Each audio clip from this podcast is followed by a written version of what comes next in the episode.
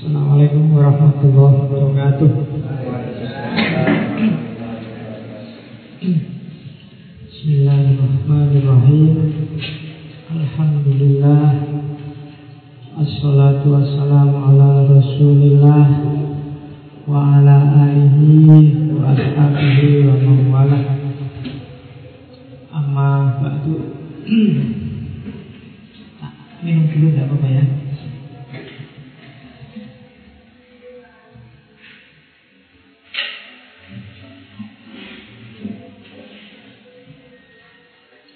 Oke, Alhamdulillah malam ini kita bisa lanjutkan lagi setelah libur sekali karena berkorban oleh sapi sama kambing. Saya tidak teko kalau kamu lagi makan-makan nyate terus tak kasih pengajian dulu Jadi wis tak kasih film aja.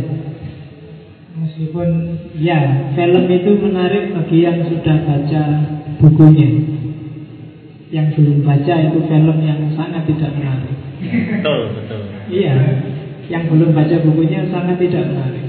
Yang sudah baca bukunya akan paham dengan film itu Meskipun nanti kesimpulannya mesti lebih dahsyat bukunya daripada filmnya.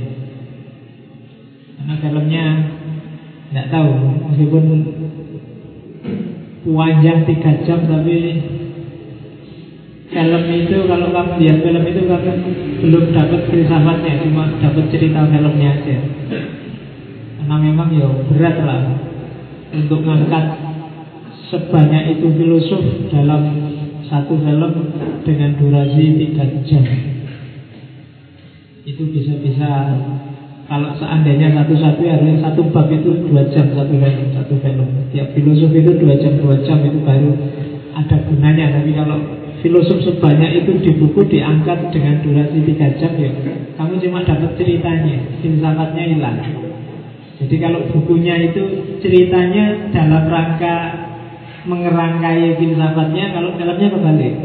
Filsafat jadi kerangka bagi ceritanya.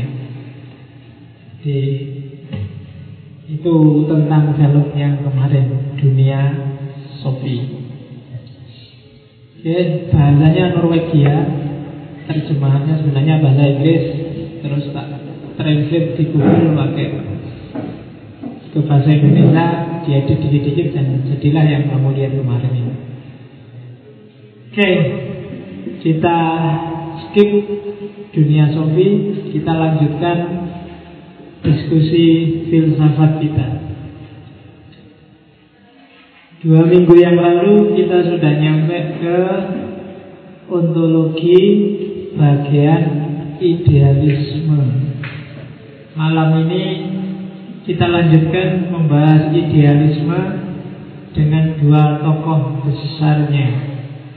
Yang pertama Immanuel Kant dan yang kedua Hegel. Kalau filsafat klasik kamu wajib ngerti Socrates, Aristoteles, Plato. Kalau modern kamu dituntut untuk ngerti dua orang ini atau biasanya ditambahi di awal itu kamu harus ngerti Descartes. Descartes kita bahas minggu depan dengan rasionalismenya karena Descartes dia tidak masuk materialisme, tidak masuk idealisme Meskipun cara berpikirnya rasionalis Dekat biasanya orang mengkategorikannya dualisme. Jadi kita sudah ketemu materialisme, ketemu idealisme Minggu depan kita coba mengangkat dualisme. Dengan tokohnya Rene Descartes Yang terkenal dengan begitu ergo sumnya Aku berpikir maka aku ada Hari ini kita idealisme dulu maka ketemukan sama Hegel. Harusnya secara periodisasi dekat dulu. Tapi ini konsekuensi kajian kita dasarnya adalah tema dan bukan sejarah, maka kita ketemukan sama Hegel dulu. Dan pikiran-pikiran kan sama Hegel sebenarnya ya melanjutkan aja dari Descartes. Makanya ini agak unik kurikulum kita. Jadi kita nanti akan loncat kalau dari segi tokoh dan waktu kita akan loncat-loncat. Karena logika kita pakai tema. Oke, kita mulai Immanuel dengan idealisme transendentalnya. Kan pemikirannya sangat luas, iya, dan macam-macam sekali, luar biasa. Bukunya banyak, tebel-tebel. Satu tema yang kayak kritik akal murni itu tebalnya bisa sekitar 600-an halaman. Kalau kamu cari di perpus. Itu tiga, belum banyak bukunya yang lain.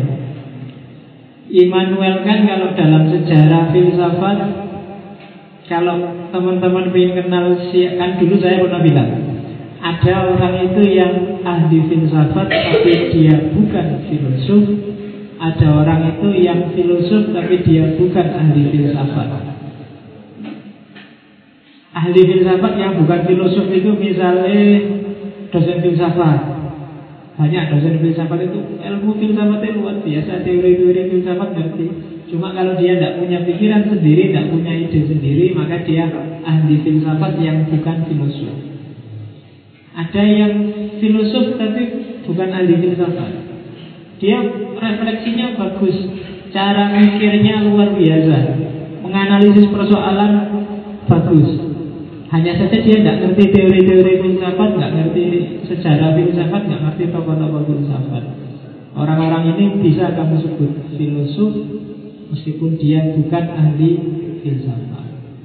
Makanya ada yang bilang bahwa Nabi Muhammad itu filosof. Ya karena pasti Nabi punya karakter filosof. Kenapa? Karena Nabi fatona. Fatona Arab bukan fatona Indonesia. Fatona Indonesia kan beda Ahmad Fatona nah, kan?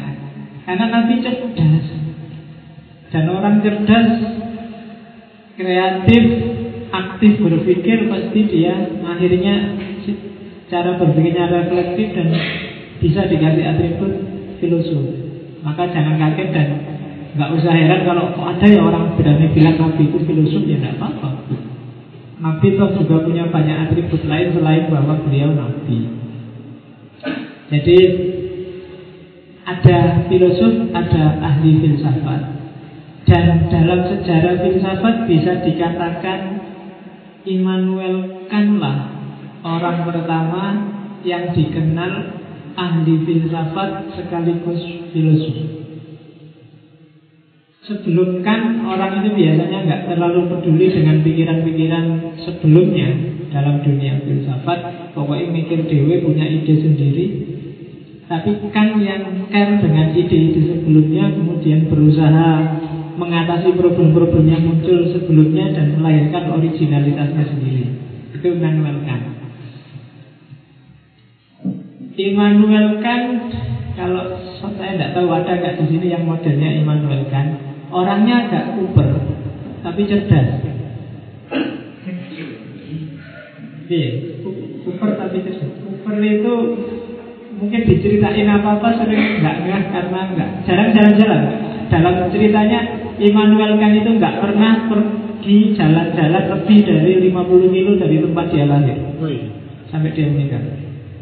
Dalam dalam sejarah. Jadi dia dia nggak pernah keluar negeri ya sekarang kan kalau sudah keluar negeri kan kayak sudah pernah ke Jerman, sudah pernah ke Iran, kalau sudah gitu gitu.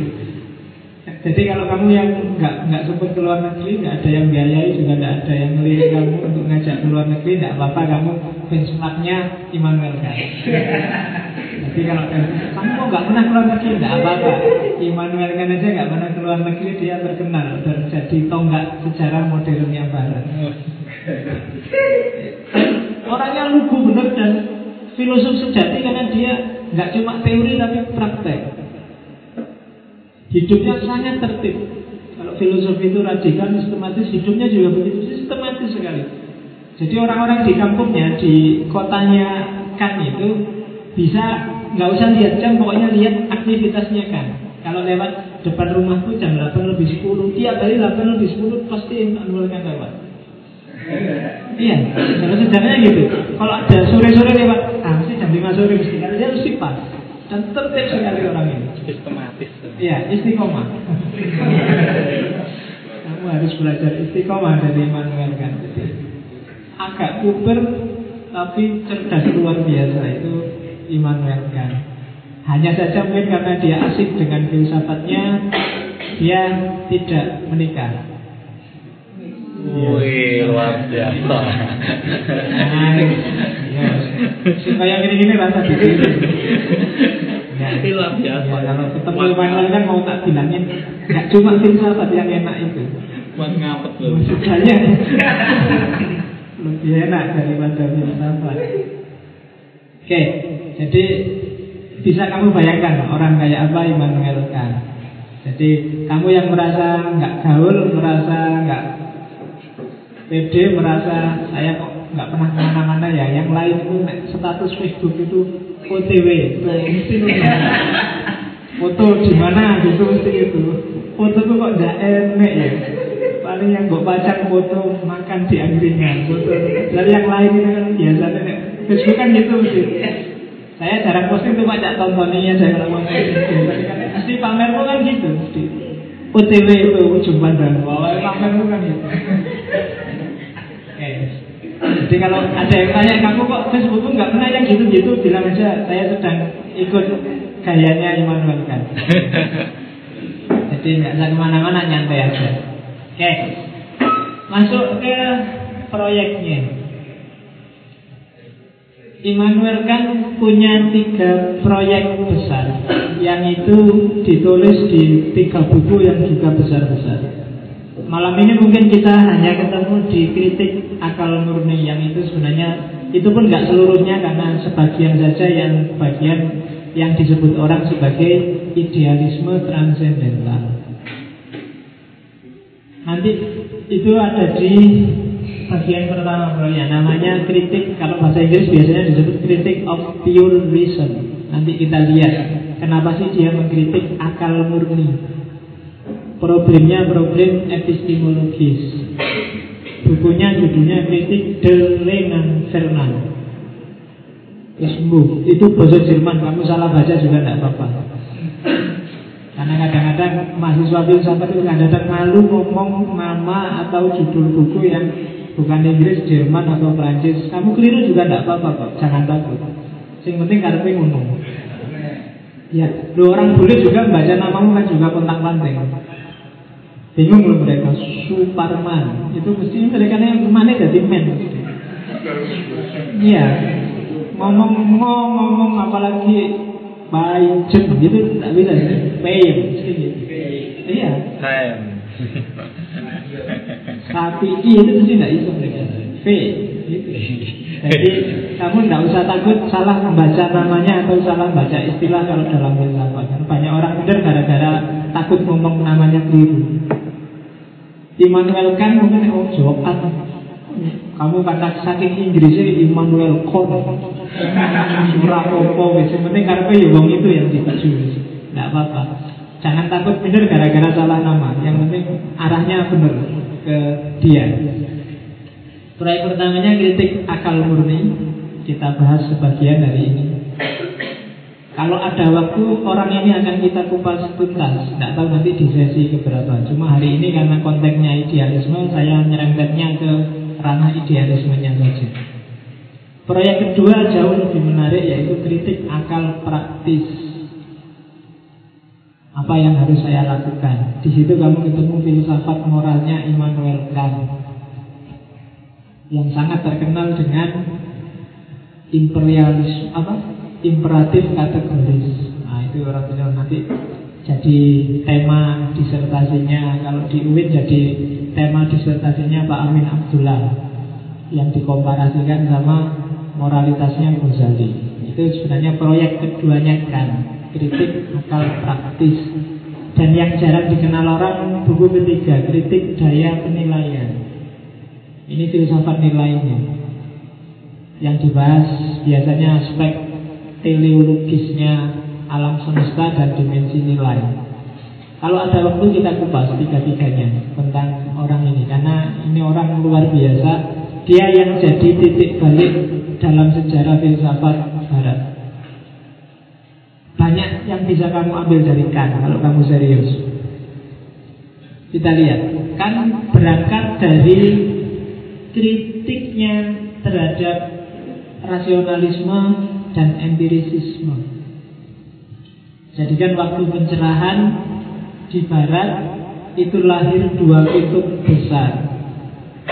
Yang pertama kutub rasionalisme dengan porosnya Perancis, tokoh besarnya Descartes, dan yang kedua empirisisme David Hume dan kawan-kawan di Inggris Yang satu bilang bahwa pengetahuan itu kuncinya ada dalam akal Tanpa akal tidak akan lahir pengetahuan Kalau empirisisme bilang bukan akal Pengetahuan itu kuncinya justru dari pengalaman Akal itu tidak ada apa-apanya Akal itu hanya kacamata. Kuncinya pengetahuan ada dalam pengalaman. Orang akalnya sehat kayak, kayak gimana pun Kalau dia dikurung dalam kamar Dia nggak punya pengalaman Dan pikirannya mesti cetek. Oh, Pikirannya mesti cekak. Anu Maksudnya apa ya? Pikirannya mesti sedikit pendek. Ya kan? Tapi kalau orang bisa ke mana-mana Pikirannya luas, wawasannya luas. Tapi katanya rasionalisme nggak bisa, tetap akal kuncinya Kamu keluar ke mana-mana Tapi kalau akalmu nggak jalan juga nggak paham-paham kok Ya kan? Kamu bergaul, kamu baca buku, kamu punya pengalaman apa aja Tapi kalau nalarmu macet Akalmu nggak jalan juga nggak dapat apa-apa sudah pengalaman kamu baca puluhan buku juga tidak ada yang nyangkut satu pun di kepala. Akalnya nggak jalan. Ada banyak pelajaran di sekitarmu juga sering tidak masuk. Dosennya ngomong sampai capek kamu juga melongo.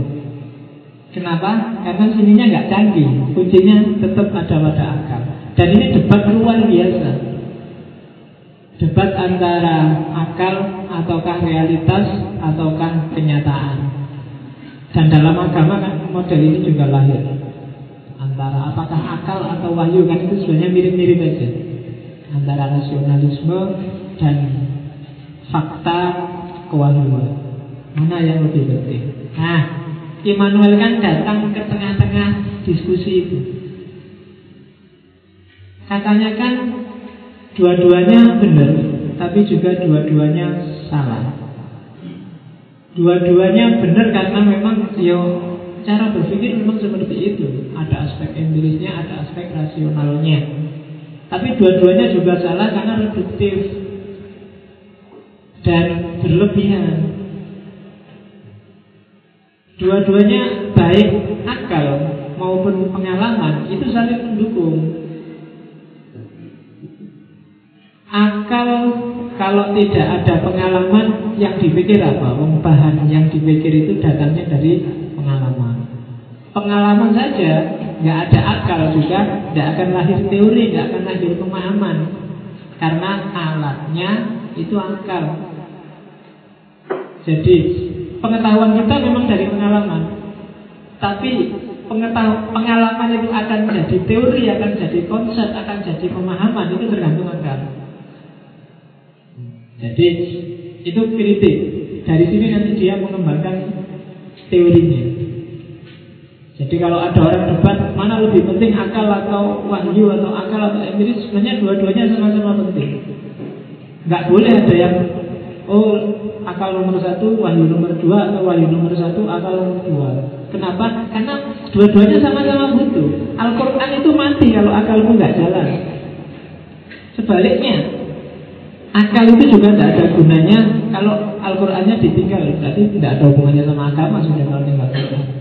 Jadi dua-duanya butuh, harus ada wahyu dan harus ada akal, baru ada agama. Jadi jangan ada yang salah satu nomor satu kan. Dan ini kan mengkristal, mengkutub. Itu yang bikin iman mereka masuk untuk cari jalan tengah. Hari ini kan juga kalau dalam agama kan mengkristal kan ada yang keras sekali di akal jadi liberal, ada yang keras sekali di wahyu terus jadi fundamentalis. Sebenarnya kamu bisa masuk ke jalan tengah. Nanti kita lihat gimana ada teori nanti dari Hegel yang dialektika itu. Tapi. Jadi awalnya kan itu mengkritik rasionalisme dan empirisisme. dia masuklah ke teorinya namanya fenomenalisme. Istilah yang sebenarnya setiap hari kita akrab dengan itu Tapi dengan pemahaman yang sama sekali berbeda dengan maunya Kant Fenomenalisme itu Jadi katanya kan gini Kayak tadi Bahwa pengetahuan itu sumbernya pengalaman Diolah oleh akal Kalau saya memahami teh Katanya kan Teh ini apa adanya itu namanya nomena. Nomena itu kalau bahasa Jermannya das Ding an sich. Barang apa adanya, sesuatu apa adanya. Tapi begitu dia tak pahami, tak lihat, oh ini teh dong. Teh itu apa sih? Oh, teh itu buat diminum. Oh, kalau gitu tak minum. Nah, teh yang tak pahami untuk diminum dan tak minum, teh dalam pemahamanku itu namanya fenomena. Katanya kan, katanya kan, yang namanya nomena das ding ansih barang apa adanya itu nggak bisa diakses. Kamu nggak bisa pegang teh ini apa adanya tanpa dipengaruhi persepsi nggak ada. Begitu dipahami orang, dia saat ini juga jadi fenomena. Saya ingin mencintaimu apa adanya. Gak mungkin katanya kan. Iya, kenapa? Apa adanya berarti justin ansi. Tidak bisa justin ansi nggak bisa diakses. Yang bisa kamu akses itu fenomenanya. Sesuatu sesuai persepsimu. Jadi saya hidup apa adanya juga enggak. Pokoknya apa adanya sesuai barangnya objektif katanya kan itu tidak bisa. Segala fakta, segala barang dan segala sesuatu kalau sudah dipahami orang, dipersepsi orang, maka dia jadi fenomena, tidak lagi nomina. Maka katanya kan yang sejati di luar persepsi manusia itu tidak ada. Atau kalau dia ada, tidak bisa diakses. Saya ingin yang paling benar, tafsir Al-Quran yang paling benar, sesuai dengan aslinya maunya Allah. Kan tidak ada gitu. Ono, karena begitu kamu yang akses Al-Quran, berarti sudah Al-Quran versi itu. Buktinya tafsir itu kan ribuan, jutaan. Ayat yang sama bisa melahirkan ekspresi pemahaman yang berbeda-beda. Dari pemahaman yang sama pun nanti ketika diterapkan dalam lapangan juga beda-beda. Itulah katanya kan dusting ansi itu mustahil diakses. Kenapa mustahil? Alasannya katanya kan karena setiap orang ketika memahami sesuatu selalu menggunakan perspektif dirinya persepsi kita kamu melihat tadi ada pawai arah-arahan oh, itu persepsi orang sudah macam-macam kan? Ada yang melihat wah itu biayanya berapa? Coba biaya sebesar itu. Ini kan persepsi kamu pakai persepsi biaya. Ada yang oh ini bagus ini budaya dilestarikan.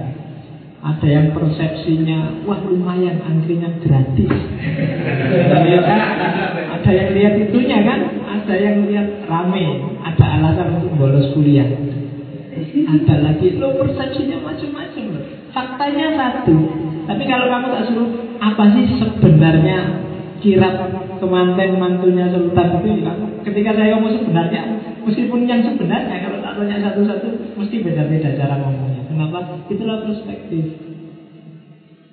Kalau di film dunia Sofi kemarin, contohnya pakai kacamata. Kalau kamu pakai kacamata merah, realitas akan warnanya jadi merah. Kalau kamu pakai kacamata hijau, realitas akan jadi hijau. Dan setiap hari sebenarnya kamu pakai kacamata. Apa sih kacamata itu? Caramu berpikir, pola pemahamanmu, caramu menangkap realitas, itu kan kacamatamu. Jadi prinsipnya fenomenalisme itu mau nulis apa ya? Persepsi difilter dengan konsepsi. Itu filter itu salah itu. Terlalu semangat nulisnya. Antara terlalu semangat dan ngantuk. Jadi persepsi persepsi kan kamu keluar memahami ketika kamu bawa masuk lagi yang masuk itu akan difilter dengan konsepsi konsepsi itu konsumsi akal Immanuel kan bilang di kepala kita sudah ada semacam ide bawaan semacam fitrah peta apa peta bawaan untuk memahami realitas itu yang tadi saya bilang belajar atau tidak belajar orang pakai kacamata. Meskipun bukan orang kuliah, orang kampung, orang desa, nggak pernah sekolah, lulusan SD sekalipun dia pakai kacamata sebenarnya. Cara dia memahami realitas adalah khas dirinya. Itu fenomenalisme.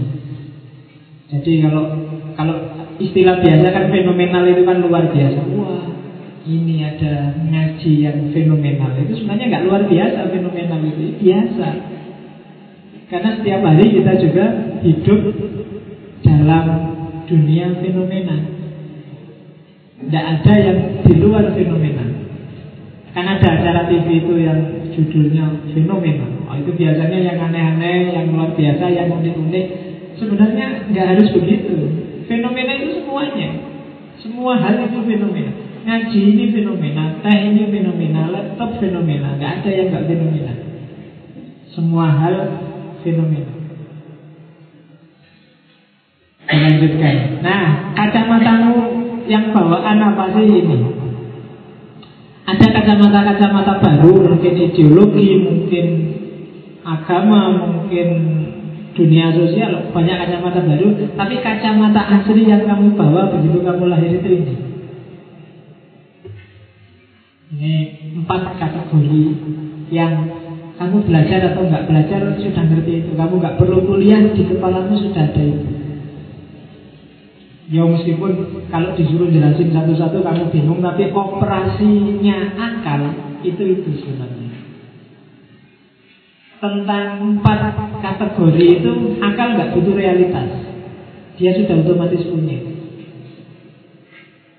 Kuantitas, kualitas, relasi, dan modalitas. Itu kacamata. Kalau melihat sesuatu, kuantitas, kualitas, relasi, modalitas. Kuantitas misalnya unity, plurality, banyaknya, keseluruhan, universality, kesatuannya, ukurannya, dan seterusnya. Itu kan kuantitas. Loh, minumnya kok cuma dua, kemarin tiga, yang satu mana ya? Itu kan saya ngomong kuantitas. Ya. Nah itu contoh, besok jangan tiga lagi, harus dua cukup. Pak Miru bingung kasih tiga lagi. Ya, jadi kuantitas. Ini nggak harus dari realitas. Pemahaman tentang kuantitas itu lebih besar, lebih kecil, banyak, sedikit. Nah itu aspek kategori pertama. Begitu melihat sesuatu, oh lebih banyak, oh lebih langsing, oh lebih gendut itu kan kuantitas. Nah, dunia kedua, kategori kedua kategori kualitas. Itu kalau di kan ada afirmasi, negasi, limitasi, pembatasan dan seterusnya. Kalau kualitas ya setuju tidak setuju, menolak atau enak atau senang atau tidak dan seterusnya itu biasanya ngomong kualitas. Tehnya sekarang terlalu manis ya, nah, itu kualitas. Kok sudah bosan ya ngaji filsafat lama-lama besok diganti lah jangan ngaji filsafat, nah, itu biasanya kualitas. Tapi kalau lama ya ngaji filsafat dua jam kualitas. Jadi ini kategori-kategori ini di kepala sudah ada. Kamu nggak perlu jadi kesan tentang kuantitas, tentang kualitas, tentang relasi juga begitu, substansi dan atribut substansi sama aksiden. Ini meja ini dari kayu, kemudian warnanya coklat. Kayu itu substansinya, warna coklat ini cuma aksiden, cuma sifat coklat. Nah, yang kayak gini menghubung-hubungkan kayak gini sebenarnya akal otomatis sudah. Aku dan kamu sama-sama orang, cuma aku cakep, kamu jelek. Ini otomatis. Ini cuma contoh, jangan marah. Jadi, itu akalmu jalan sudah. Oh aku kecil, kamu besar. Kamu besar tapi kan kamu sebenarnya umurnya masih muda. Aku kan sudah tua tapi kelihatan kecil berarti. Ah, ini yang kayak gini-gini kerja gini tidak butuh bahan dari realitas. Di akalmu sudah ada relasi, cause and effect, sebab akibat. Anak kecil itu belum sekolah sekalipun di kepalanya sudah ngerti ada sebab akibat. Jangan disentuh kompornya nanti panas kalau panas sakit kayak gitu. Dan ini ini jalan sudah. Kalau di dunia sofi kan dikasih contoh kalau kucing itu ada bola digelindingkan ke arah kucing. Kucing itu peduli amat dari mana bola pokoknya ada bola langsung dipakai main kan. Tapi kalau manusia kan enggak. Begitu ada bola gelinding ke arahmu, kamu kan pertama-tama nggak lihat bolanya, mesti kamu tengok dari mana bola berasal. Itu kenapa di kepala kita ada cause and effect, ada sebab akibat. Kalau tiba-tiba ada uang jatuh, kamu mesti cepat-cepat dari mana uangnya? Kan kamu nggak sibuk dengan uangnya dulu, tapi kamu mesti dari mana ini ya? Kan pasti gitu. Kenapa? Ada sebab akibat. Dulu saya punya teman pakai sebab akibat itu menggodani cewek itu kan gitu. Jadi kalau ada jalan-jalan di mall, ada cewek cakep, dia ngambil koin ratusan atau lima ratusan dijatuhin kelinting gitu. Nah si ceweknya noleh nonton. Oh, begitu noleh kan dia dia bisa disapor. Ada kesempatan untuk nyapa kan kalau dia noleh. Begitu ceweknya noleh, oh anu mbak koinku jatuh mbak. Nanti kan terus bisa ngobrol. Triknya kayak gitu. Kenapa dia pakai trik ini? Dia paham manusia punya sebab akibat. Begitu dengar bunyi uang jatuh mesti nolak. Jadi kamu gunakan ini setiap orang ini fitur. itu sebab dan akibat. Jadi jangan takut. Apalagi uang kan setiap orang kan nggak mata duitan. Khawatir uangnya yang jatuh. Komunitas, interaksi, itu juga relasi, relasi antar manusia. Setiap orang punya fitrah untuk saling berrelasi. Kamu nggak pernah belajar ya, kamu sesama manusia juga merasa ada hubungan aja. Yang nilainya beda kalau sama kambing, sama sapi beda rasanya. Nah, itu fitrah, relasi. Di kepalamu sudah muncul, kamu nggak perlu belajar. Jadi sejelek apa pun manusia, kamu lebih punya relasi dengan dia dibandingkan kalau ketemu sapi apa kambing. Meskipun mungkin kambingnya lebih cakep daripada orangnya, tapi tetap lebih dekat kalau dia manusia. Nah itu community, kategori relasi. Ada juga kategori modalitas, mungkin atau tidak mungkin, eksis atau enggak eksis, pasti atau sementara. Itu juga kategori. Kalau lihat sesuatu hujan, oh hujan ini sementara kok, nanti pasti terang. Jadi ditunggu aja, pasti terang kok. Itu kategori-kategori ini ada di kepala. Itu yang disebut modalitas, contoh-contoh yang possibility, impossibility dan seterusnya.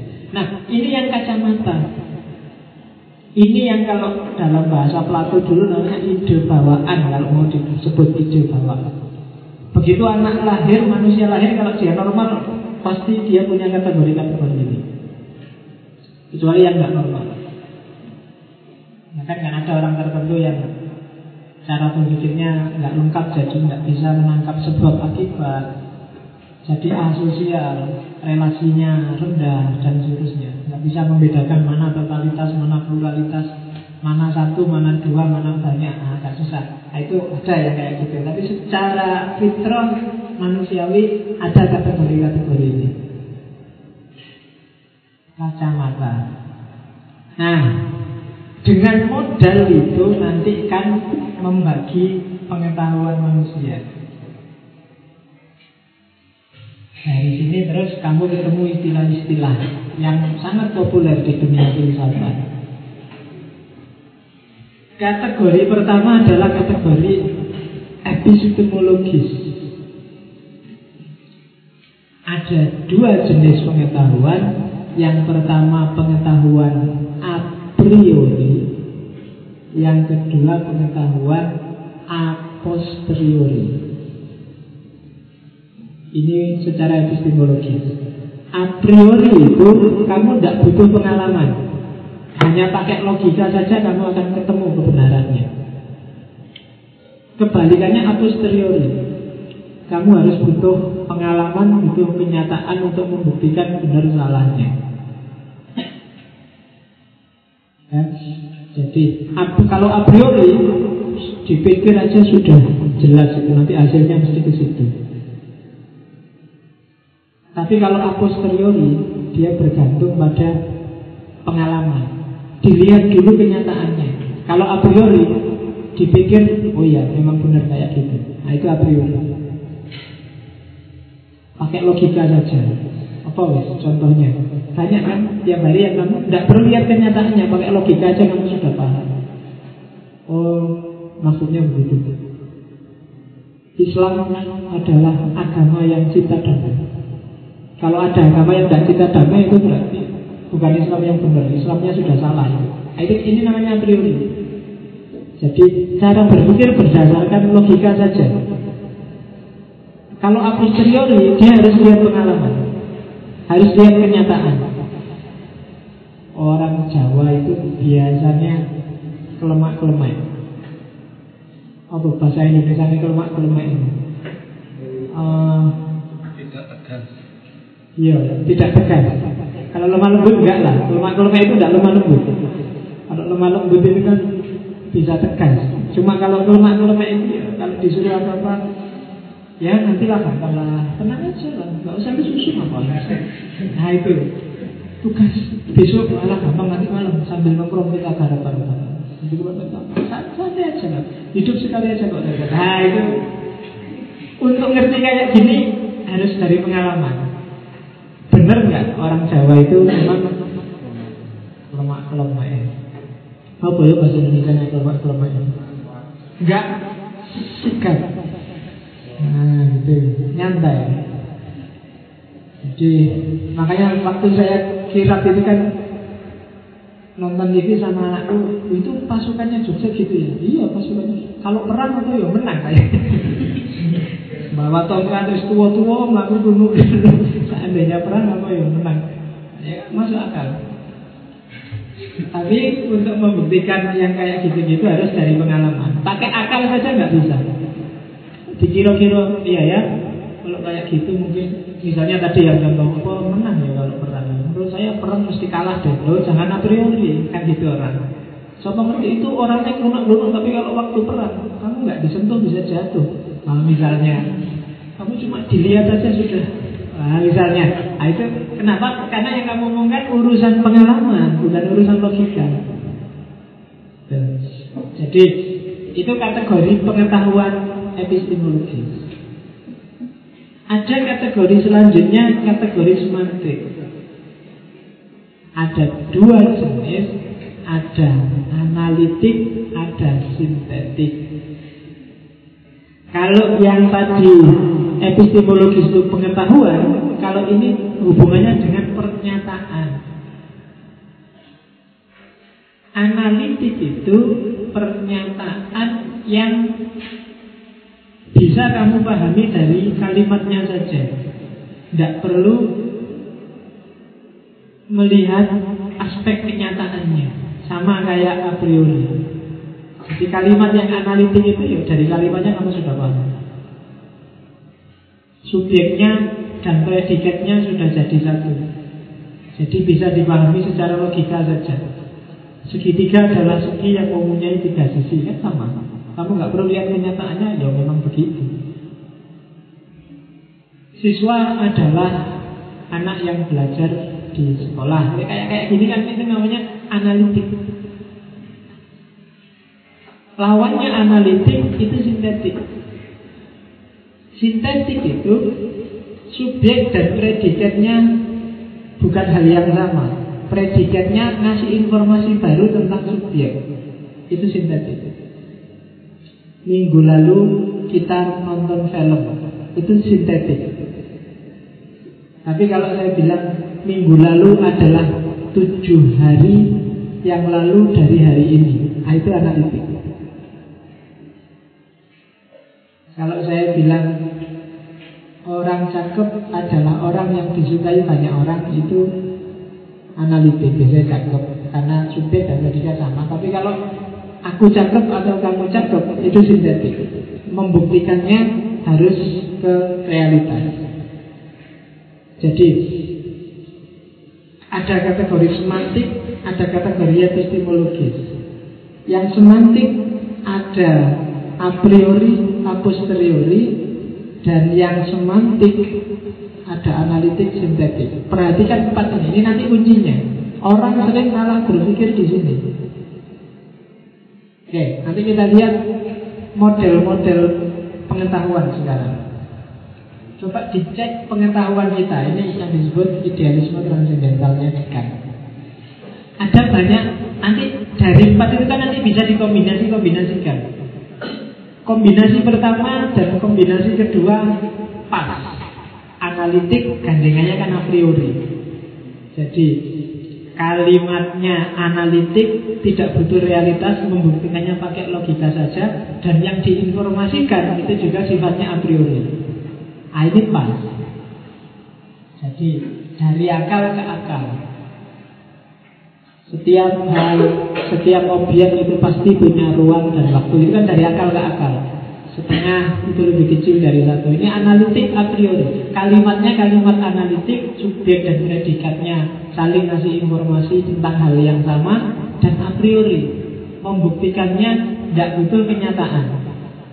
Itu kalimat apa jenis model pengetahuan yang pertama dan dalam bahasa saya ini yang tidak bermasalah jenis pertama analitik a priori. Ada pengetahuan jenis kedua yang juga pas.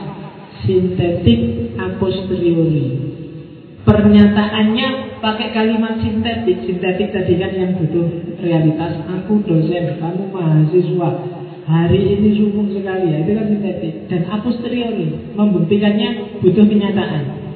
Ini juga pas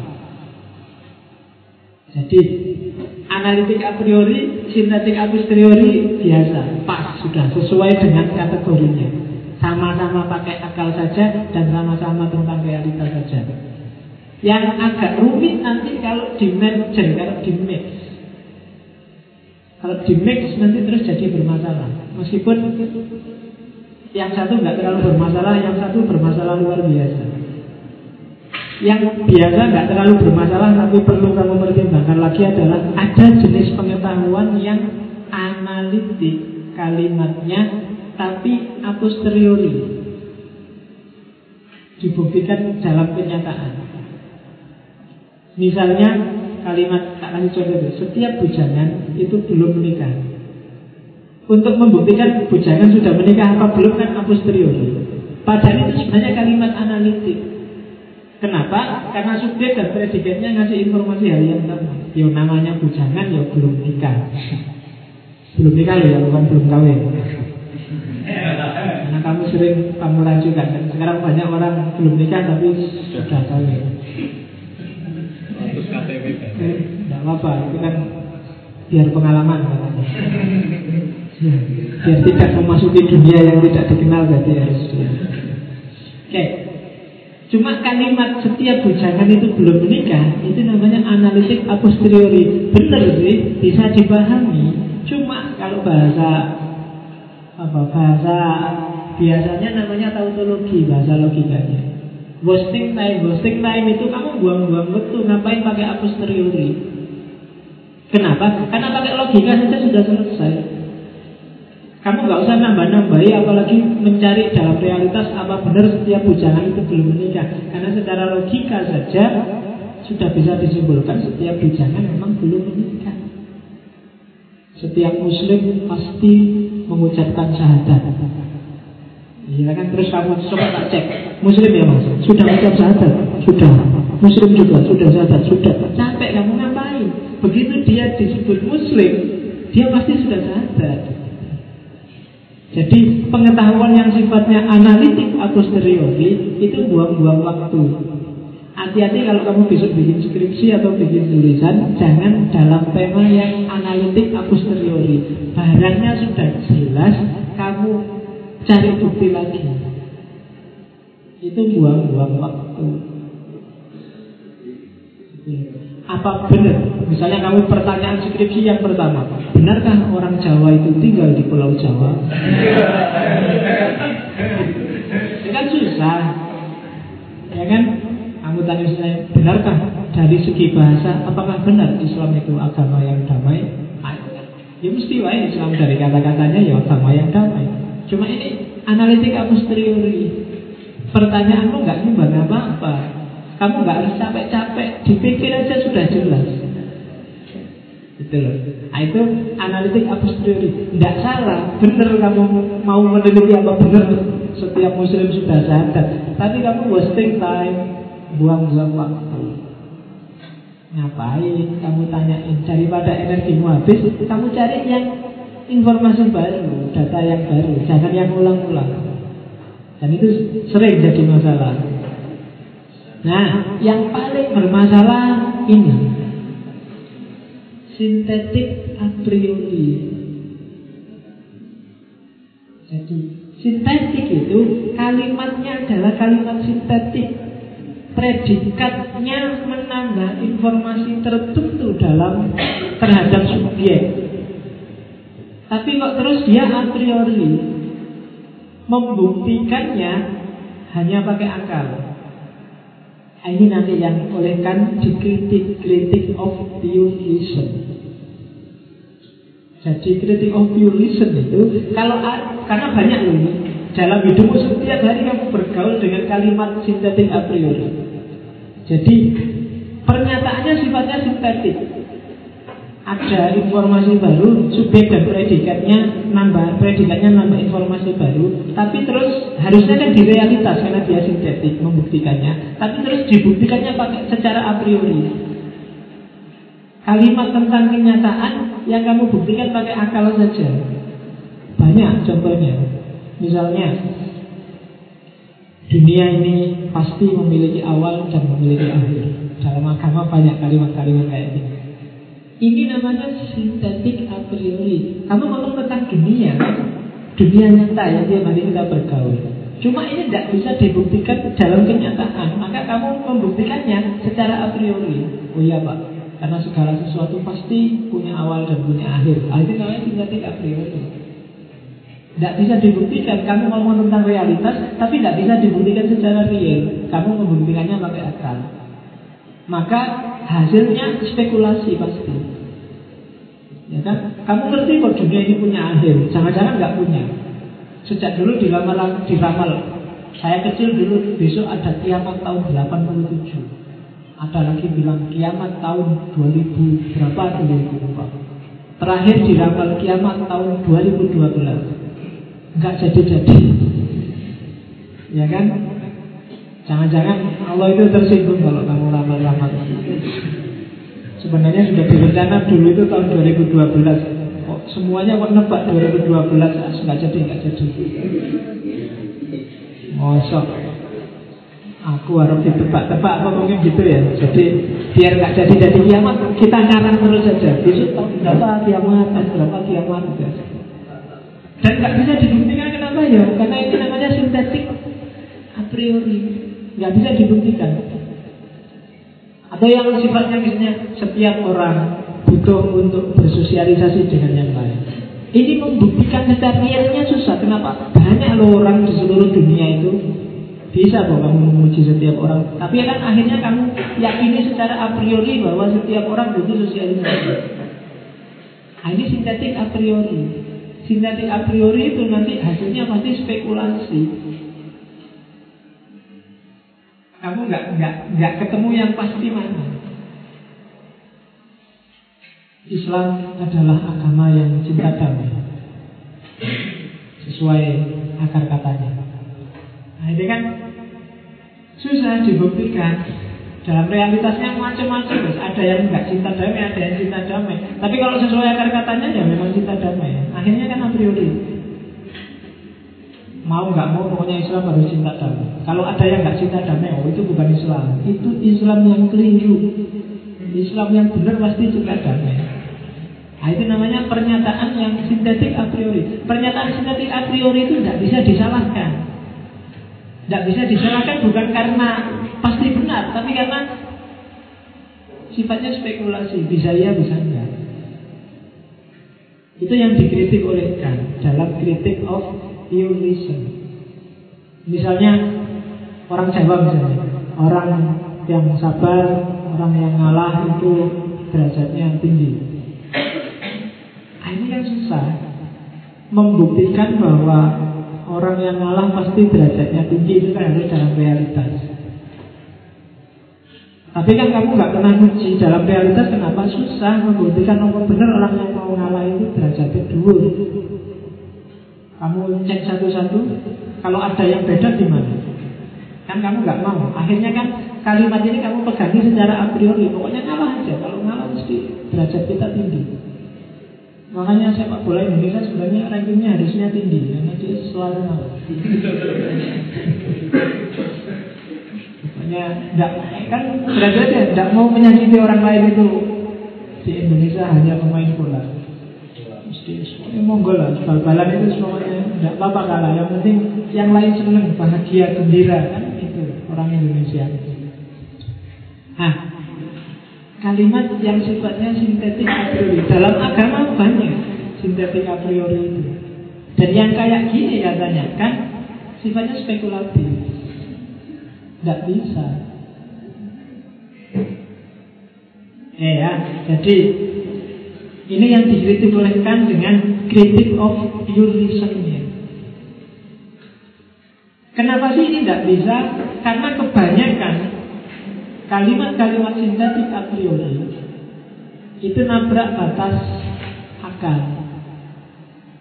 Akal itu ada batasnya banyak yang nyari-nyari. Saya sering sekali ditanya orang, tapi apa punya batas? Ya, hari ini kasih filosof yang ngomong bahwa memang akal ada batasnya, yaitu Immanuel Kant.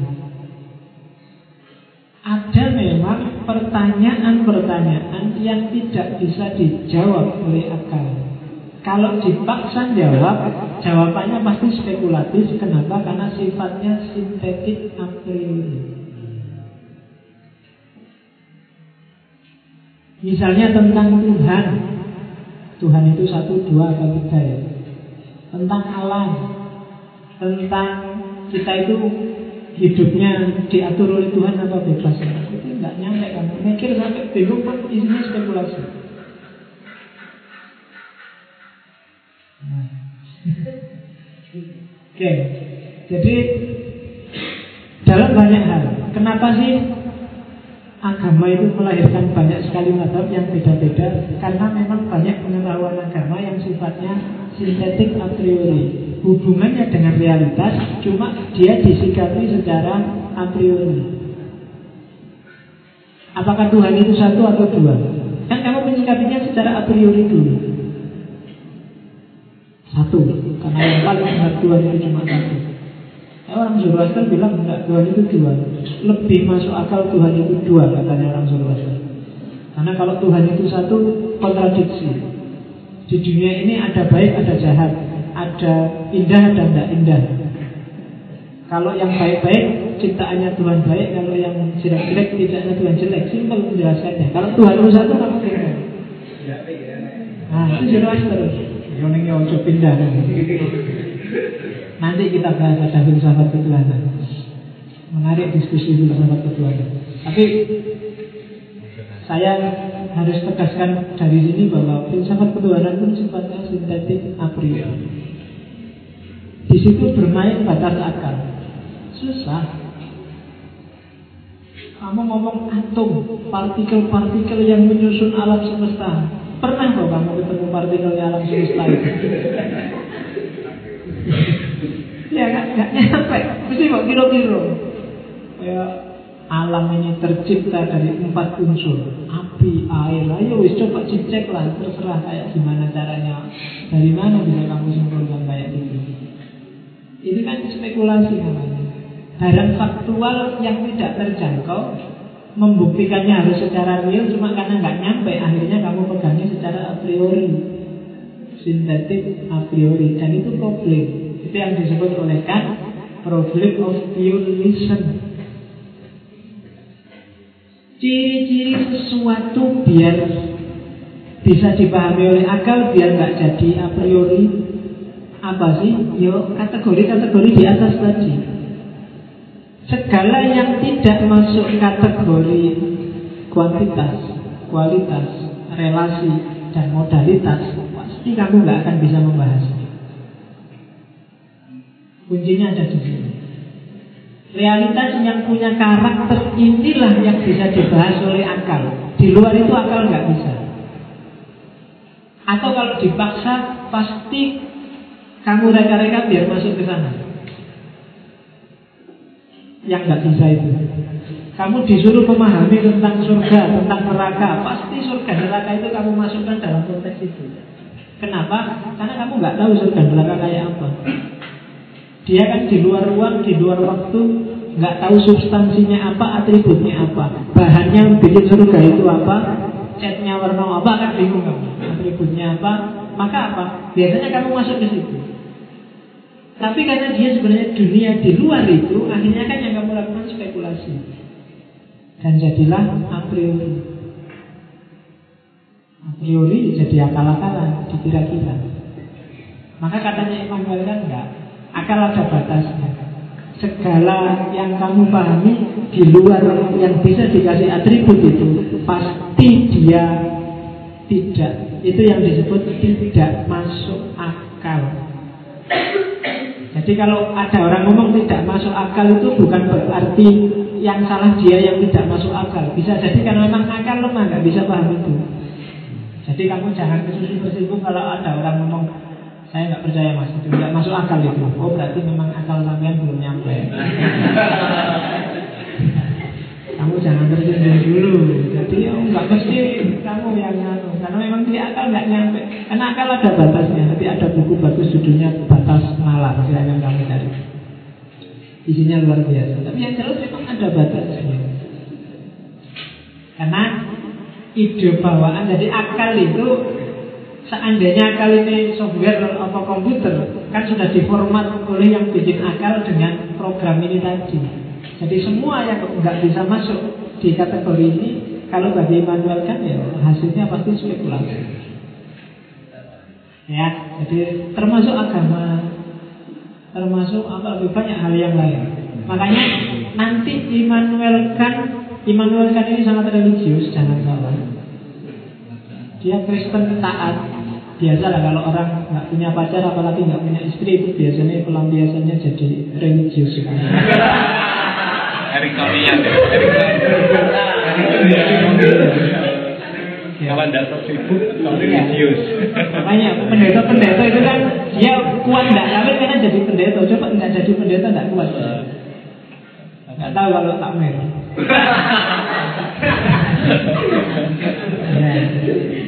ya, alasannya kan gitu. Semakin dia bisa eh kalau Immanuel kan bagi Immanuel kan akhirnya bagi Immanuel kan ranah agama karena berhadapan dengan akal yang terbatas maka bagi Immanuel kan kasih aja ruang buat agama.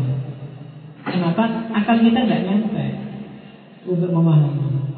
Jadi kasihlah kalau kamu hidupmu 100% rasional ya sekarang kasih ruang kasih 40% atau 30% untuk agama karena ternyata ada sisi-sisi yang akal nggak bisa menjangkau. Padahal kita yakin itu ada, kita bisa merasakan keberadaannya, tapi akalnya nggak bisa nyampe. Maka katanya kan kasih ruang untuk agama. Ini kan salah satu. Jadi filsafat ketemu agama itu tidak selalu tawuran. Ada kalanya, oh ya sudah kalau gitu agamanya kasih tempat lah sendiri, karena dia tidak kompatibel sama software yang namanya akal. Dia punya wilayah sendiri lah. Nanti ada juga yang bilang oh enggak sebenarnya sama. Itu jalurnya beda tapi hasilnya sama.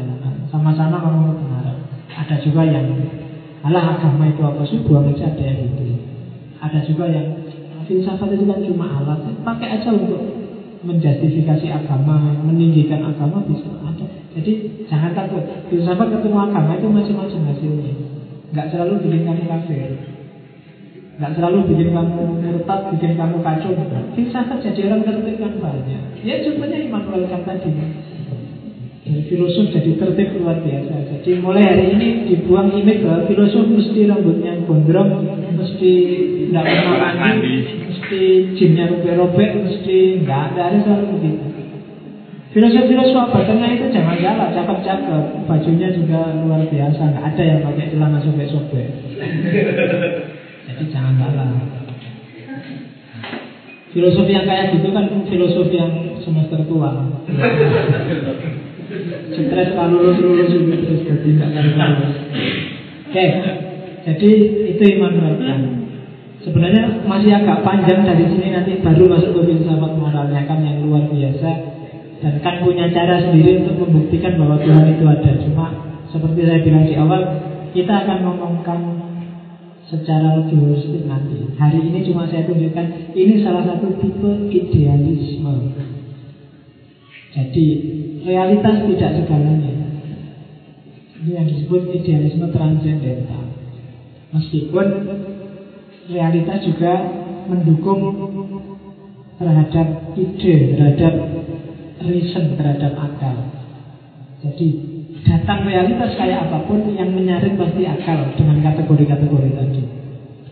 Oke, itu Immanuel Kant. Sekarang kita masuk ke Al Mukarrom selanjutnya.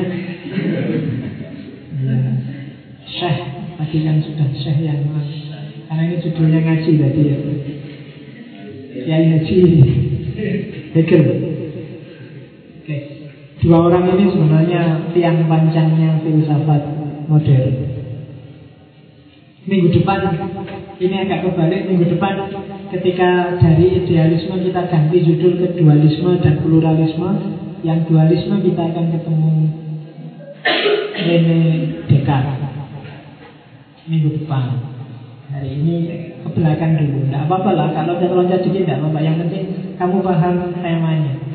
Karena ngaji filsafat ini kamu tidak runtut juga tidak apa-apa wong ya foto-foto paham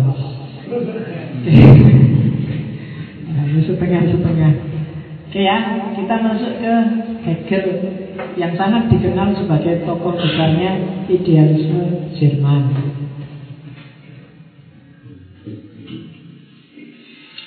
Hegel pikirannya sangat banyak dan sangat luar biasa.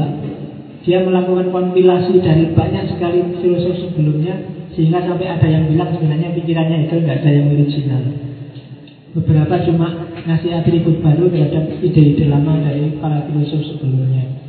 Tapi yang jelas apa pun komentar orang dia dampaknya luar biasa dalam dunia filsafat. Hegel tidak kayak kan yang agak kuper tapi dia akademisi. Yo agak agak yo kadang-kadang nakal dikit lah. Hegel itu punya anaknya Hegel itu jadi tentara Belanda tewasnya di Jakarta. Iya, jadi Hegel ini pernah selingkuh sama ibu kosnya. Jadi dia pernah. Iya, iya. Ini kasih gosipnya Hegel. Kemarin dulu kan gosipnya Mat yang menghamili pembantunya. Nah, Hegel ini rada mirip.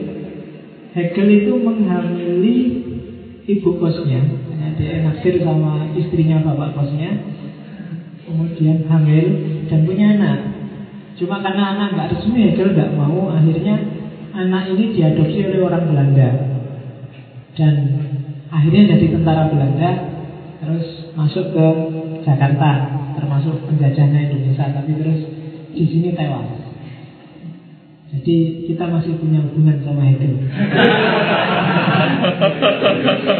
Jadi ya, ya anaknya dikubur di sini loh, salah. Meskipun itu anak selingkuhan ya. Ibu kosnya. Oke, yang gini-gini nggak usah ditiru, ini cuma.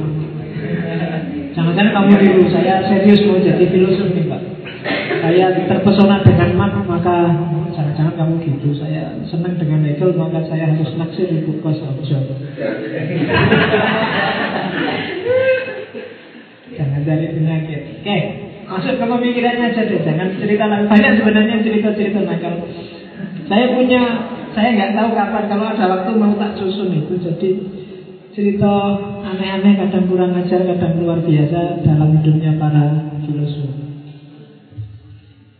Sebenarnya sudah banyak ngumpul cuma kok ya males ya. Ternyata orang Jawa sejati. Disuruh apa males ya. Oke. Hegel ya pertama dia komentari Kant dulu karena para filosof setelah Kant itu luar biasa. Hampir semua filosof setelah Kant dan Hegel itu sebenarnya berusaha untuk ada yang menyempurnakan, ada yang mengkritik, ada yang meruntuhkan pikirannya Kant dan Hegel. Sama kayak ada orang bilang bahwa semua pemikiran filsafat itu cuma catatan kakinya Socrates, Plato, Aristoteles. Tapi semua filsafat setelah modern itu sebagian besar melanjutkan, mengembangkan atau mengkritisi pikirannya Kant dan Hegel. Terhadapkan Hegel mengkritik kalau tadi kan bilang dusting ansi yang tidak bisa diakses katanya kan tidak ada dusting ansi itu. Kalau kita ngomong tentang pengetahuan, pengetahuan ya semuanya pengetahuan manusia. Kalau saya memahami gelas ini ya berarti ya inilah gelas. Kita tidak harus mikir bahwa ini gelas versiku versi yang lain mungkin beda enggak. Setiap pemahaman memang pemahaman manusia. Gak ada pemahaman yang di luar pemahamannya manusia. Kalau dusting ansi kan ada sesuatu yang di luar pemahaman manusia yang sejati. Itu katanya Hegel. Tidak kalau ngomong gitu berarti ada sesuatu yang gak dipahami. Eh begitu bisa diomongkan berarti bisa dipahami. Setiap pemahaman itu ya pemahamannya manusia. Lah yang dusting ansinya gimana? Ya ada dusting ansi itu katanya itu. Dan kan sendiri kan bilang dia ada tapi nggak bisa diakses. Katanya Hegel, ya sama juga bohong. Itu sama kayak saya ngomong Borobudur itu ada nggak kalau orang sedunia nggak bisa memahami, nggak tahu di sana ada Borobudur. Orang sedunia nggak tahu ya kalau di sana ada Borobudur. Nggak ada. Kamu bilang ada, Pak, karena kita belum tahu aja. Loh, kamu bilang ada karena kamu sudah tahu dia ada. Kamu percaya nggak kalau di itu di lapangan di bawah itu ada harta karun jumlahnya banyak sekali luar biasa. Kamu akan bilang nggak ada, Pak. Kenapa? Ya karena kamu belum belum tahu. Jadi setiap pemahaman itu ya pemahamannya manusia. Tidak ada pemahaman yang di luar pemahaman manusia. Itu tautologi. Bulat. Setiap pemahaman itu ya pemahamannya manusia. Kalau dia tidak bisa dipahami ya berarti ya tidak ada. Sesuatu yang nggak bisa kamu pahami itu nggak ada. Kalau misalnya kan bilang ini kan gelas versiku, bukan gelas yang sejati. Nah gelas yang sejatinya terus kayak apa? Ya kita nggak tahu. Ya tidak ada berarti. Ya ini yang sejati yang dalam pemahaman ini sudah sejati. Itu maunya itu. Jangan kamu minder. Kalau pakai dasi nasi, kamu tidak pede memahami sesuatu. Ya, itu menurut saya loh Pak. Saya nggak tahu kalau menurut yang lainnya. Ya sudah menurut kamu itu sesuai dengan yang kamu persepsi itu. Bahwa orang lain mempersepsi beda, ya tidak apa-apa. Setiap orang persepsinya beda-beda. Tapi bukan berarti ada sesuatu di balik yang dipersepsi. Barangnya ya ini sudah. Nah itu kritiknya Hegel pada. Jadi filosofi itu kayak gitu. Setiap filosof punya rasionalitas sendiri-sendiri. Kalau tadi kamu belajarkan, iya ya, bener kan, ada dusting ansi. Tapi begitu masuk Hegel, kok ya bener Hegel ya. ya. Makanya urutan tokoh saja tak bolak baik ya kamu bingung. Minggu depan kita baru tadi kan kan itu mengkritik rasionalisme dan empirisme dan rasionalisme akan kita bahas minggu depan. Termasuk empirisme yang cenderung pluralis. Karena dualisme kan baru minggu depan. Tapi tidak apa-apa biar kamu semakin lama semakin tidak karu-karuan. Sudah belajar filsafat, meloncat-loncat, urut aja tidak paham, apalagi loncat-loncat. Tak bikin loncat-loncat kalau ada yang tanya kamu ngaji filsafat lama kok tidak paham-paham. Lo salah ya temanya loncat-loncat kan ada atasannya. Oke, jadi kritiknya Hegel katakan tidak ada pengetahuan di luar pengetahuan manusia. Destinasi itu kan berarti pengetahuan di luar pengetahuan manusia. Kalau nggak bisa diakses ya berarti dia tidak ada. Itu Hegel. Sekarang kita lihat apa yang ada di pikirannya Hegel. Yang dibahas oleh Hegel sebenarnya terkenal dengan filsafat sejarah. Kemudian masuk ada istilah luar biasa dalam pikirannya Hegel. Orang menyebutnya fenomenologi ruh. Nanti kita lihat apa maksudnya Hegel dengan fenomenologi. Jadi yang pertama Hegel ngomong sisi ideal manusia yaitu kesadaran. Orang hidup, kesadarannya manusia itu berkembang, berubah dari generasi ke generasi. Cara orang menyadari dirinya, cara orang menanggapi realitas, cara orang menangkap kenyataan, itu selalu berkembang. Sejarah itu kan mengalir terus. Tidak ada satu hal yang benar yang abadi. Tidak ada akal Tidak ada nalar yang Benar terus kapan pun dan di mana pun Itu asumsi pertamanya Hegel Yang dianggap baik dan sopan dulu Mungkin hari ini dianggap Tidak sopan Atau kebalikannya Dulu dianggap tidak sopan Sekarang dianggap biasa-biasa aja Zaman dulu kalau, kalau ada orang pakai rok mini dan jalan-jalan di luar misalnya tahun 50 60-an, itu bisa orang sekampung keluar semua. Zaman dulu kalau ada cowok dan cewek boncengan aja, bukan muhrimnya bukan apa-apa, misalnya boncengan terus pegangan, oh, itu orang sekampung bisa heboh seminggu. Tapi sekarang biasa. Cara berpikirnya berkembang, sudah semakin maju. Boncengannya juga semakin maju ya kan? Kesadaran itu berubah. Gitu. Coba dilihat. Saya masih kalau lihat, coba lihat fotonya cutnya di istrinya kiai kiai zaman dulu itu nggak ada loh yang pakai jilbab kayak hari ini kayak gini gini itu. Saya pakai kerudung biasa itu kan. Dan di zaman itu pakai kerudung itu sudah Islam ya kayak gitu muslimat yang Islam. Kalau sekarang kan enggak. Begitu kelihatan rambutnya aurat, aurat itu Nah, ada ada geser, ada perkembangan cara berpikir dari generasi ke generasi. Maka tidak ada yang lo yang paling benar terus yang pakai gini apa yang cuma kan? Tidak tahu kalau hari ini mungkin yang benar itu, tapi saya nggak yakin besok masih itu loh ya yang yang benar. Mungkin orang punya cara berpikir lagi. Mungkin nggak cuma ininya. Kalau hari ini kan ininya ditutup rapat, tapi bawahnya ya udarnya itu kan alhamdulillah itu kan jadi sekarang orang jangan melihat ke atas karena yang di atas ditutup. Ketemu cewek lihatnya ke bawah. Menunduk. Makanya sekarang cowok-cowok lebih tawadu. Karena lihatnya ke bawah. Jangan juga ke atas. Cara yang dibuka yang bawah. Nah paradigmanya berbeda. Cara berpikir orang dari generasi ke generasi berbeda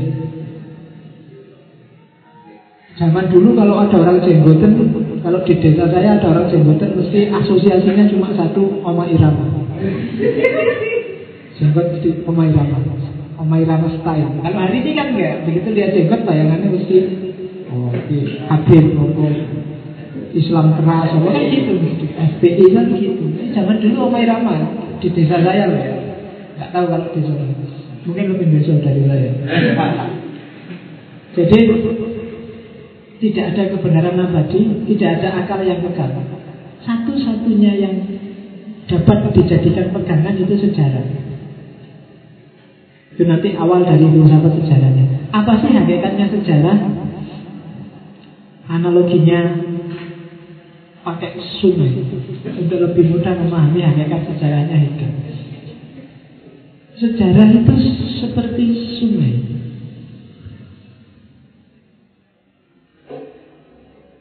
Dia selalu mengalir. dia selalu berubah. Kalau di zaman Yunani ada filosof namanya Heraklitus yang punya jargon pantare. Segalanya mengalir.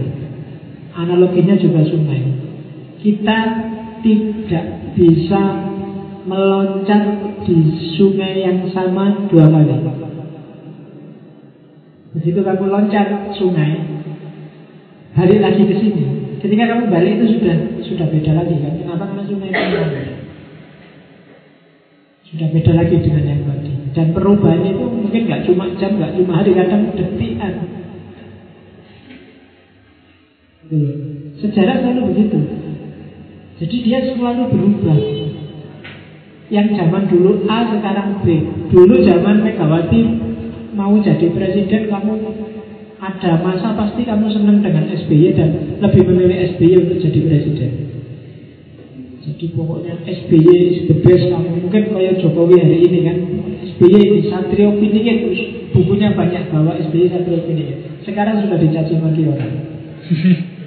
ya kan sejarah. Mungkin Jokowi yang sekarang dipuji-puji orang setinggi langit saya nggak jamin loh. Makanya kalau ingin jadi presiden mungkin harus sekarang Jokowi. Kalau nunggu 2019 mungkin dia sudah ketahuan jeleknya banyak. Jadi sejarah. Dan karena itu kita tidak bisa bilang kalau itu sungai kan kita nggak bisa bilang sungai yang paling benar itu yang mana, yang sekarang apa yang tadi? Tidak bisa. Jadi sejarah berjalan, berkembang, berubah maka yang disebut hakikat itu kita nggak bisa menunjuk pasti kebenaran yang sejati nggak bisa kita pegang. Karena dia selalu berubah. Itu filsafat sejarahnya itu meskipun demikian kita tetap dari sangat banyak yang berbeda berubah-ubah toh kita tetap bisa ngomong tentang sungai. Secara umum. Nah nanti kata-kata secara umum yang tak beli itu nanti jadi kuncinya bahwa hidup berubah ya, bahwa sejarah berubah ya. Tapi dari yang berubah ini kan ada variabel-variabel tetap yang sama, yang dengan variabel itu kamu tetap bisa menyebut itu sungai. Meskipun dia berubah terus, kamu kan tetap menyebut itu sungai. Meskipun ada yang berubah-ubah, kadang pakai jilbab rambutnya kelihatan sedikit, kadang ditutup semua, kadang dipakai cadar, kamu kan tetap bisa menyebut itu Islam. Ada variabel itu. Nah, jadi perhatikan ada faktor yang berbeda-beda, berubah-ubah, tapi ada juga faktor yang umum dan sama. Orang Indonesia itu mungkin macam-macam, tapi tanyakan orang luar negeri, kayak gimana sih tipikalnya orang Indonesia, dia akan bisa menjawab dua, tiga, empat kata. Dan ini biasanya ciri umum yang dimiliki orang Indonesia. Kayak kamu bilang orang Amerika itu cenderung pragmatis. Mungkin beda-beda kayaknya, tapi dia punya karakter khusus namanya pragmatis. Dengan inilah kamu bisa mengidentifikasi dia Amerika. Kamu menyebut dirimu Indonesia pasti ada identitas-identitas umum yang bikin kamu oh pantas Indonesia. Oh, Indonesia itu pasti Indonesia.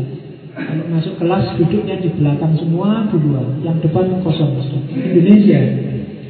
Bahasa Indonesia biasa. Oke. Nah, karena kita nanti dilihat apa posisinya yang umum tadi. Yang kedua setelah analogi sungai, perhatikan juga bahwa akal itu progresif, kayak alirannya sungai. Jadi tidak ada satu pemikiran pun yang dia benar sejati selamanya Yang relevan untuk setiap ruang dan setiap waktu. Semua variabelnya. Pasti nanti ada titik-titik tertentu yang tidak relevan lagi Dari sebuah pemikiran. Sehebat apa pun pemikiran itu itu nanti dipertajam. Ini nanti di antara sebab-sebab lahirnya era namanya paralogi. Paralogi itu ketika logika jadi tidak pasti, logika jadi tidak harus eksak, tapi dia juga macam-macam. Oke. Dan akal yang progresif itu nantinya berimplikasi bahwa tidak ada kriteria yang pasti untuk menentukan mana yang paling benar dan mana yang paling masuk akal dari banyak pemikiran yang ada. Jadi ini pandangan yang luar biasa merespon pemikiran-pemikiran para filsuf sebelumnya. Rasionalisme, ya benar memang mungkin ada titik tertentu hidup kita yang polanya rasionalis. Tapi dia tidak akan relevan untuk semua ruang dan semua waktu. Ada titik-titik tertentu hidup kita yang tidak rasionalis. Maka kamu jangan bingung kalau ada orang tanya sebenarnya hidup ini jabariyah atau qadariyah ya. Kita itu disetir oleh Allah 100% atau kita itu bebas. Kalau kamu pakai filsafat sejarahnya Hegel, dalam sejarah akan ada titik-titik di mana sebenarnya kita itu tidak bebas sama sekali. Tapi ada titik-titik kita bisa bebas. Hmm. Ya tinggal kamu perinci sendiri. Dan variabel ini sangat campur, sangat cair. Saya ngangkat gelas ini kan bebas, akar boleh. Wong ini kan tidak jelas, tidak. Tapi aku tidak bebas untuk bisa ngangkat gelas ini dengan jari satu dan gelasnya nggak jatuh. Kenapa ya konstruksinya kan gitu Kalau tak coba tak mirip mesti pesu gelasnya pecah Tapi aku tidak bisa Kenapa? Ada keterbatasan Pinginku sih bisa biar aku nggak capek-capek, tapi ternyata nggak bisa. Aku bebas untuk minum ini dua tiga teguk, tapi aku nggak bebas untuk gimana caranya aku minum dua tiga teguk aja dan aku nggak haus sampai selesai ngaji, nggak bisa. Pinginku sih nggak haus gitu, tapi ternyata aku nggak menguasai diri itu. Berarti di sisi itu aku nggak bebas. Tapi di sisi kapan aku minum, kapan enggak aku bebas. Ini kan mencermati sejarah. Nah, inginku sih bebas, nggak haus lagi. Ternyata nanti haus lagi. Kamu kan enak cuma nonton, aku ngomong. Itu yang bikin aku tidak bebas. Kalau aku bebas boleh tidak ngomong, mungkin aku tidak minum bolak-balik. Tapi karena aku milih untuk ngomong, terpaksa aku terikat untuk balik-balik ini. Dan progresif, ada perkembangan, ada perbedaan, ada kenyataan-kenyataan yang tidak sama dan berubah. Akal progresif. Nah, gimana sih proses progresifnya akal? Perubahan-perubahan itu terjadinya kayak gimana sih?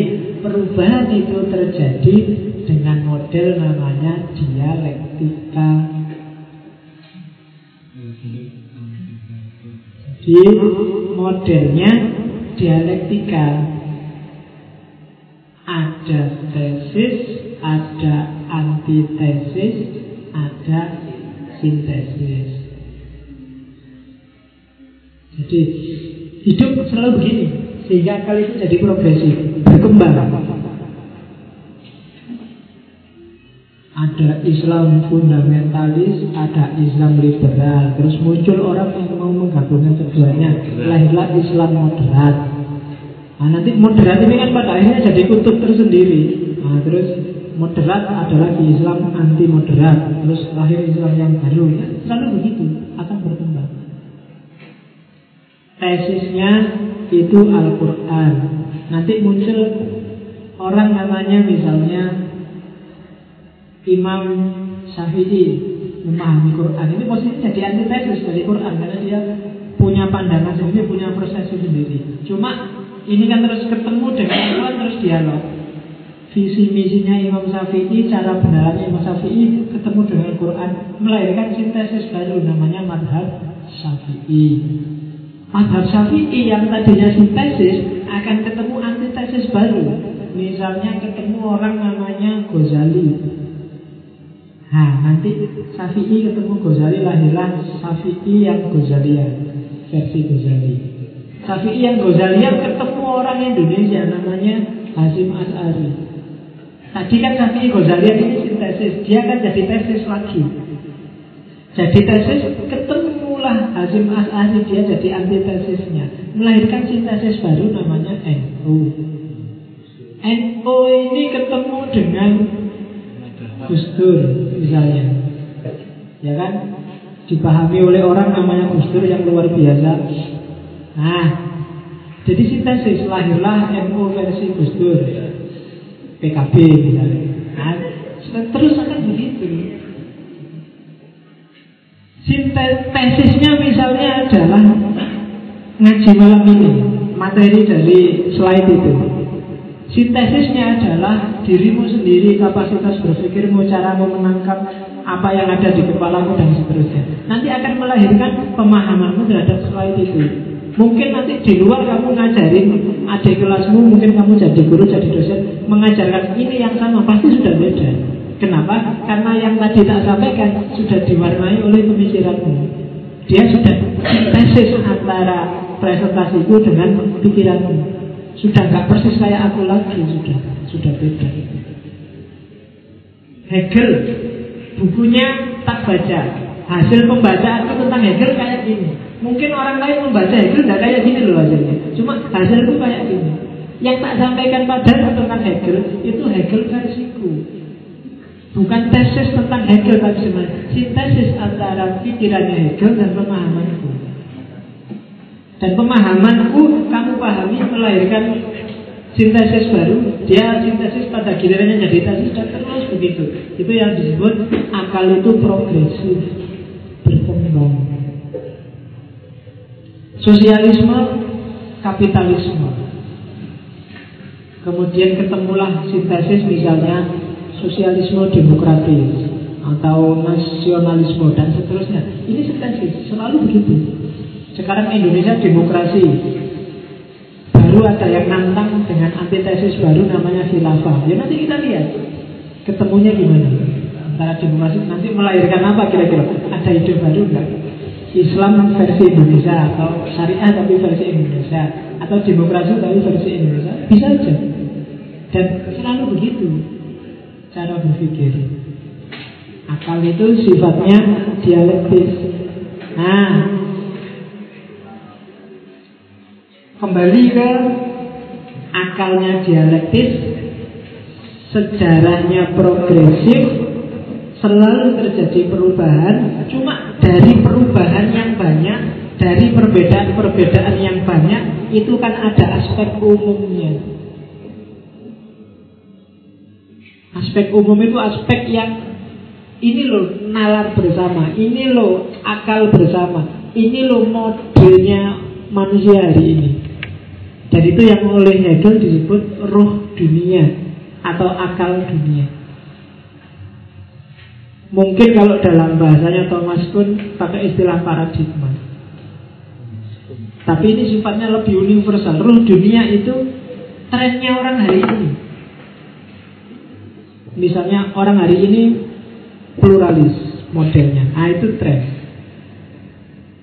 Jadi ada aspek-aspek yang umum, ada aspek-aspek yang sama, yang dia jadi modus, jadi rujukan, jadi model hidup, model berpikir manusia secara umum di waktu tertentu, di ruang tertentu. Itu namanya ruh dunia.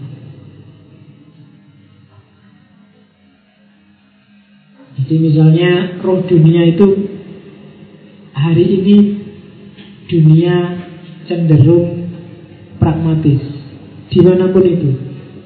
Yang idealis jarang, yang empiris saya juga nggak terlalu menonjol. Seandainya dipelajari pun orientasinya sama pragmatis. Nah itu roh dunia namanya. Cara berpikir, cara berperilaku, cara menanggapi sesuatu disetir oleh pragmatisme nyari praktisnya, nyari enaknya, yang penting ada hasilnya. Nah, itu namanya ruh dunia, akal dunia. Dan akal dunia ini sebenarnya berkembang juga. Ya kayak tadi loh, misalnya akal dunia di Indonesia zaman dulu orang sopan santun sesama murid dengan gurunya misalnya sekarang ada pergeseran-pergeseran ada beda-beda sehingga modusnya sudah berubah kalau dulu murid itu kalau diem aja dianggap murid yang baik. Kalau hari ini sudah enggak. Kalau ada murid diam aja itu biasanya murid ngantuk, tidak paham atau murid yang biasanya. Kalau dulu gurunya senang. Kalau ada murid diam, anteng dikandani mantuk-mantuk senang. Tapi kalau hari ini gurunya sumpah mesti, paham apa enggak ya tidak jelas. Nah, itu akal dunia namanya. Modusnya. Cara berpikir bersama. Dunia hari ini cenderung egois. Nah, itu akal dunia. Dunia hari ini cenderung rasis. Nah, itu akal dunia. Zaman dulu misalnya, kalau kamu setuju dengan perbudakan, itu biasa. Kenapa? Karena memang nalar dunia, ya zaman dulu perbudakan banyak, biasa aja lah. Kalau ada diperbudak, kalau ada orang membeli orang itu biasa. Tapi hari ini sudah kebalikannya. Perbudakan itu sudah sesuatu yang negatif. Zaman dulu kalau ada perang orang kepalanya dipenggal, ada orang dibantai, itu biasa. Hukuman itu dulu kayak gitu semua, penggal kepala, potong tangan, pancung, gantung, dikuliti, di kayak gitu dulu. Disula, kayak pangeran Dracula itu kan kalau hukum orang disula. Disula itu kamu mulai bawahmu ditusuk, jadi sampai tembus sampai kepala. Jadi ditusuk terus dipancangkan. Belum mati itu karena masih hidup kamu ditusuk. Terus kayak bikin babi panggang gitu. Belum sampai tembus di sini itu belum mati. Terus ditancapkan di tengah alun-alun Dan turun pelan-pelan. Menancapkannya di tengah alun-alun. Jadi dilihat orang banyak Kamu diturunkan pelan-pelan karena atasnya lancip Jadi tembus pelan-pelan.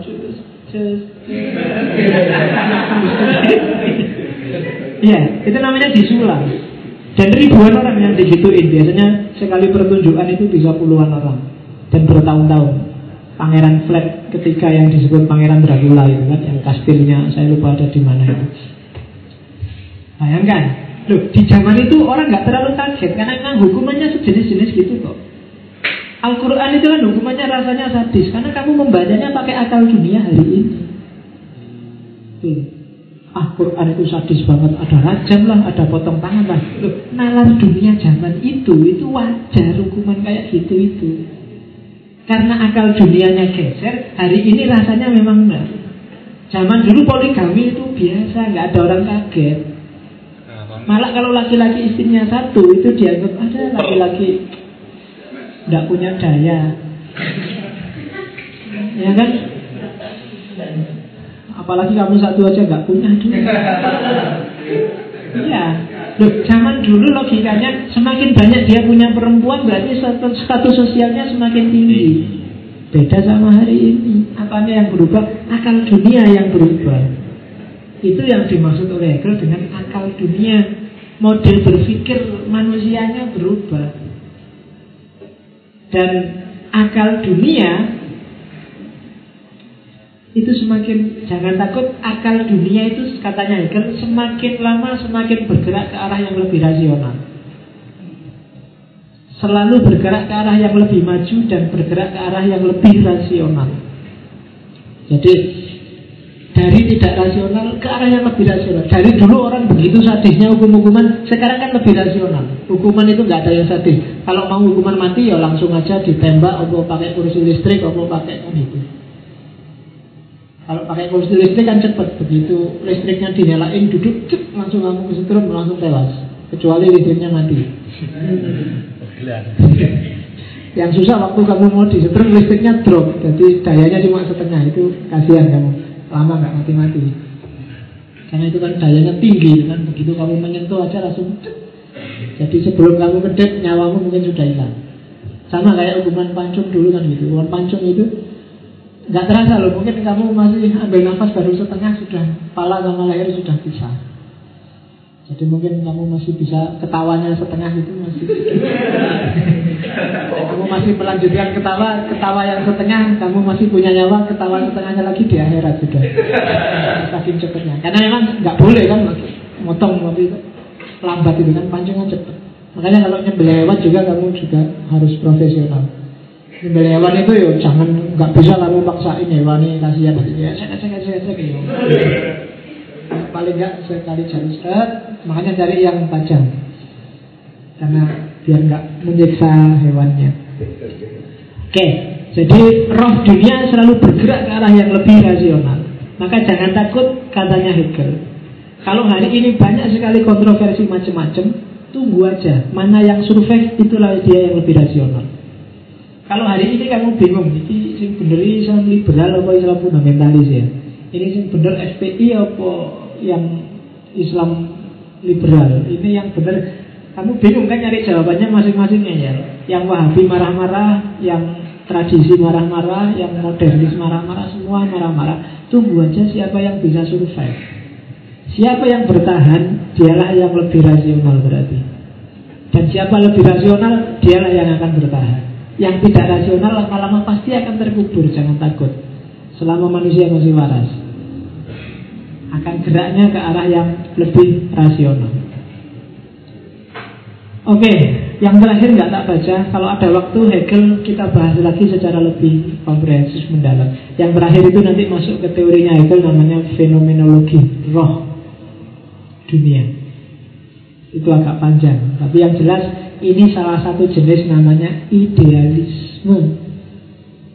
Kuncinya dunia ternyata ada di ide. Itu yang disebut roh dunia atau akal dunia. Yang punya Hegel. Oke, saya kira itu ada pertanyaan. Semoga nggak ada. iya, sudah. Silakan weh, satu dua pertanyaan kalau ada. Kalau nggak ada, alhamdulillah. Iya, karena sudah malam.